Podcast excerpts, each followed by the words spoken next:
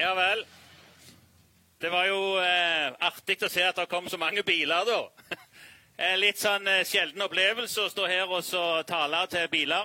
Eh, Kan jeg få lov å ta en selfie av meg sjøl og dere?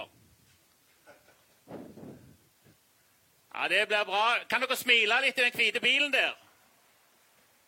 Så det, ja. Tusen takk. Veldig bra. Ja, en litt eh, annerledes. Jeg er litt mer vant med å se folk inn i øynene kanskje enn jeg er nå. Nå sitter dere her i eh, biler og eh, hører og ser.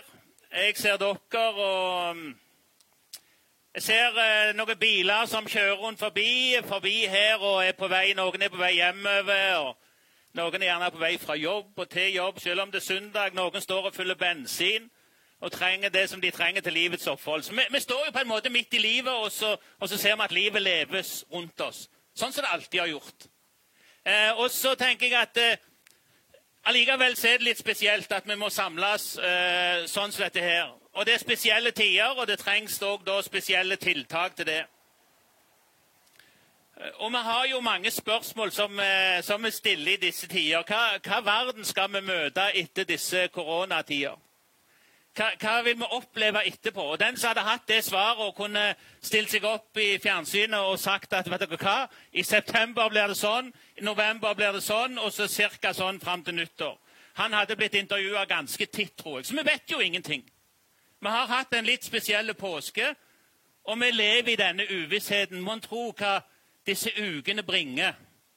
Og, og vi sitter jo liksom litt sånn spente og følger med på fjernsyn. Hva vil Erna si? Hva vil de andre si? Skal skolene åpnes? Skal de ikke åpnes? Sånne ting svirrer rundt i hodet på oss.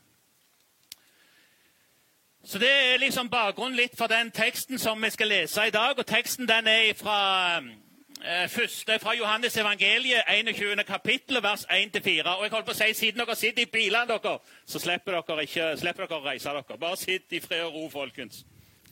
Vi leser, og det står Siden åpenbarte Jesus seg igjen for disiplene ved Tiberiasjøen.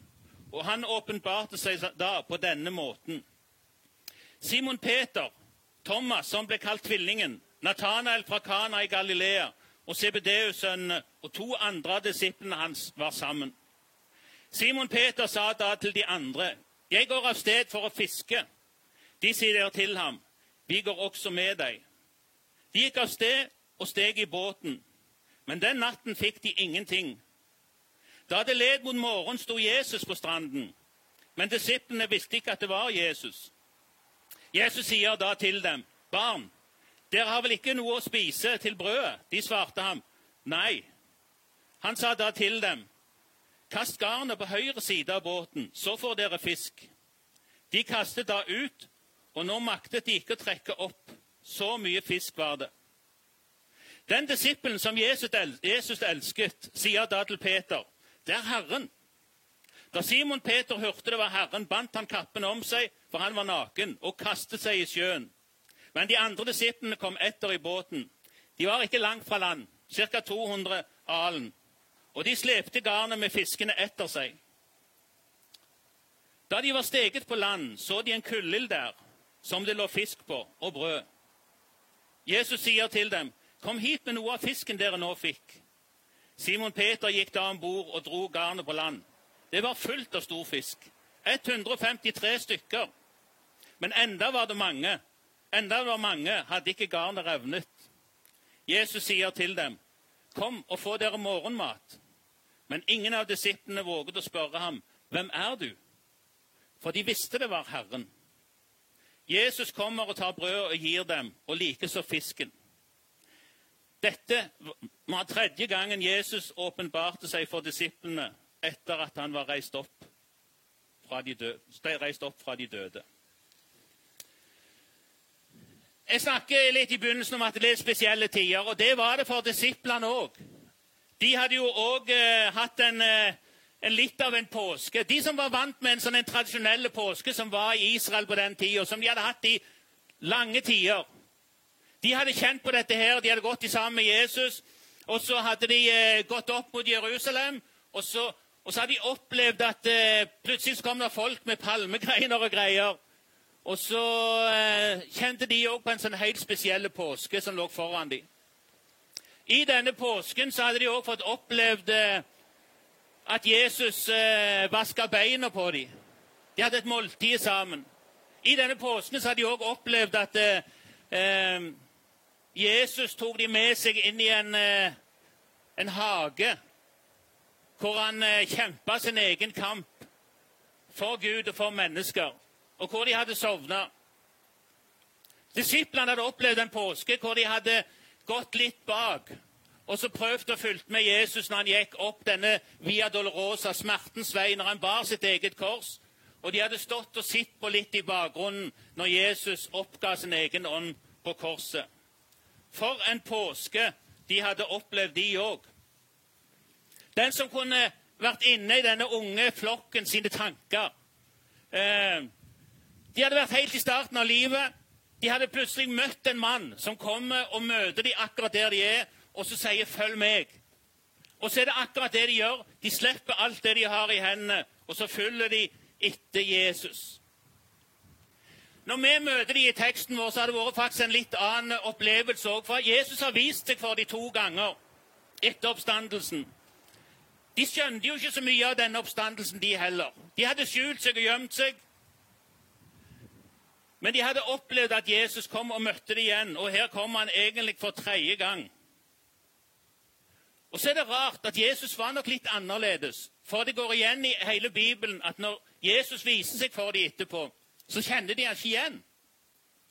Ikke før han eh, sier navnet til Maria, så kjente du han igjen. Ikke før han kommer og møter dem eh, med noe fisk og noe brød, så kjente de han igjen. Ikke før han delte brød med dem, så kjente de han igjen. Men da forsto de at det er Jesus. Så han var litt annerledes. Og da, når alt er så enormt usikkert, så er det jo typisk sånn menneskelig ikke sant? at vi, vi søker litt tilbake til det som vi kjenner. Der som er trygge, der som har ei trygg havn, der som har en trygg hverdag. Og Sånn gjorde disiplene òg. Den historien vi går inn i når Jesus spør Nathanael. Han spør tvillingen Thomas, han spør Johannes og Jakob, disse to brødrene. Og så spør han to andre til hva dere har tenkt å gjøre. Jeg stikker iallfall ut og fisker litt. Så la de båten fra land. Og dette var kjente farvann. De hadde jo vokst opp rundt denne Genesaretsjøen. De hadde vokst opp der, og de hadde opplevd og lært seg opp til at uh, dette har vi gjort i generasjoner. Det er det vi lever av rundt her, folkens. Vi fisker i Genesaretsjøen. Og det er det dere òg skal gjøre, sånn som far deres gjorde, bestefar deres gjorde, osv. osv. De la båten ifra land og tenkte det er godt å ha noe å falle tilbake på når ting begynner å bli usikkert.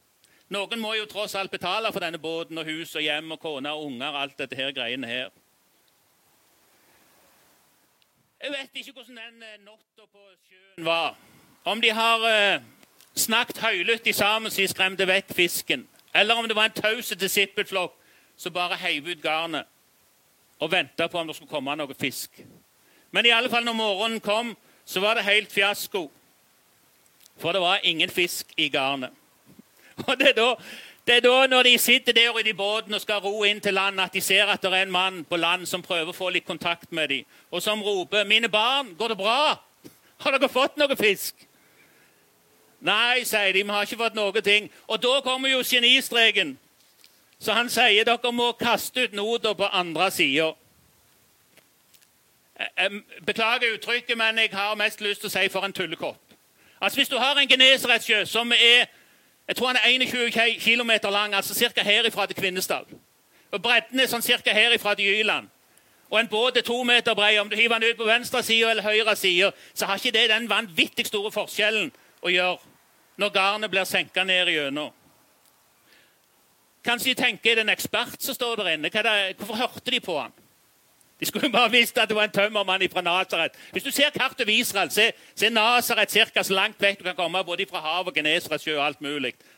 Han var fra innlandet. Det er nesten som en, eh, en fra Hidra som skulle vært ute og fiska, ikke fått noe fisk. Og så møter han en fra Jyland, og så sier jylendingen tullekopp. Du kan jo ikke fiske, du må hive garnet ut på andre sida. Ja da. Har jo ikke peiling, vet du. Men de gjorde det. Og det er akkurat da når garnet fylles, at de ser at det er Jesus. Og de kjenner han igjen, for de vet at det er sånne ting som han holder på med, altså det er sånt noe han gjør. Han er helt spesiell. Han er underens gud. Og De har opplevd de har gått sammen i tre år, og de vet at sånn er det. Og Når Peter oppdager det Peter er jo et barometer på mennesket, så bare hopper han i sjøen og, og, og svømmer og vasser inn til land, for han må inn til sin mester. Og Da ser de at Jesus har gjort opp et bål. Han ville lage en frokost til dem. Og så sier han, 'Kom med noe av det dere òg har, og så kom og spis.' Nå skal vi ikke sammenligne teksten, nå skal vi ikke bruke teksten til noe som teksten ikke er meint å gjøre. Men dybden i denne teksten er et dybde i forhold til Jesus som møter sine disipler. I tre år hadde de gått sammen, og nå skulle de snart ut på egen hånd. Og Jesus sa til dem at dere skal bli menneskefiskere. Dere skal ut i Jerusalem, Judea, Samaria og like til jordens ender. Og jeg skal være med dere. Men en får en følelse av at det er noen disipler som er litt i villrede. Som er litt redde. Og de bruker det uttrykk som vi også sikkert gjør, at det har skjedd så mye i det siste. Vi er ikke sikre på hva som skjer. Men historien forteller, og det ser vi jo i verdenshistorien og frelseshistorien videre, at de forlot båten, de lot redskapet være der, og så fulgte de han videre. Og Det er det jeg syns er så bra med den teksten, at Jesus kommer for en måte til dem og møter dem der de er. Og så og lager han et måltid til dem. Han er der når verden er snudd på hodet for dem. Han visste hvor de var, og han kom. Han som en gang vaska deres føtter. Han som eh, nå ville lage frokost til dem. Han som er sann og allmektig Gud, og som har all makt i himmel og på jord. Men han er òg min og din tjener. Forstår det den som kan, og som vil. Det er Gud i all sin allmektighet. Kom og forlat denne tryggheten, sier han til disiplene, og han sier det til oss. Det kjente, det sikre, og følg meg. Jesus ønsker oss å møte oss sånn som han møtte disiplene òg, midt i livet, der vi er. Her på parkeringsplassen, inne i bilen vår, hjemme i stua, eller om du kjører forbi og hører dette her på radioen, eller samme hvor du har logga deg på Avisen Agder eller noe sånt. Der du sitter, og der du er, ønsker Jesus å møte deg. Han, står der i Bibelen, ønsker han samtale med oss. og Han ønsker å holde måltid med oss, står det i Johannes' åpenbaring. Han med oss, og vi med han. Fantastisk. Kanskje vi ikke har en båt å forlate, eller sånne ting. Men det kan være i disse tider at vi har noe som vi har sjøl lagd til oss sjøl. Eh, noe sånn egenskap til trygghet. Det vi trodde vi hadde skapt oss sjøl for framtida vår. Det som vi hadde, trodde vi, skulle bruke for å seile trygt inn i solnedgangen. Og så plutselig kommer det et lite virus, og så slår det om på hele verden. Ja, sannelig, folkens, vi har hatt en litt annerledes påske, vi òg. Akkurat sånn som disiplene. Kanskje du er litt redd. Kanskje du ikke vet hva som møtes. Kanskje du ikke er sikker på hva som kommer i september, november og alt det der. Og du trenger å finne en ny trygghet. Og det er akkurat der Jesus kom inn, for han har vært gjennom disse krisene før og leda sitt folk. Og han vil òg lede oss, og han vil lede deg videre. Han er ikke lenger vekke enn ei bønn. Han er ikke lenger vekke enn en tanke. Jesus, tenk på meg. Se hvordan jeg har det. Og så er han der. I eh, Jesaja 64, jeg skal slutte med det, så står det Like til deres alderdom er jeg den samme, og til dere får grå hår vil jeg bære dere. Jeg har gjort det, og jeg vil fremdeles løfte dere. Jeg vil bære dere, og jeg vil redde dere. Jesus, vi takker deg for at vi får lov å følge deg. Vi takker deg for at du kommer og møter oss her vi står, og her vi sitter, og her vi er. Om det er på parkeringsplassen, i bil, samme hva det er. Eller hjemme i stua. Jesus, du vil møte oss med din nåde og din tilgivelse. Prise deg. Amen.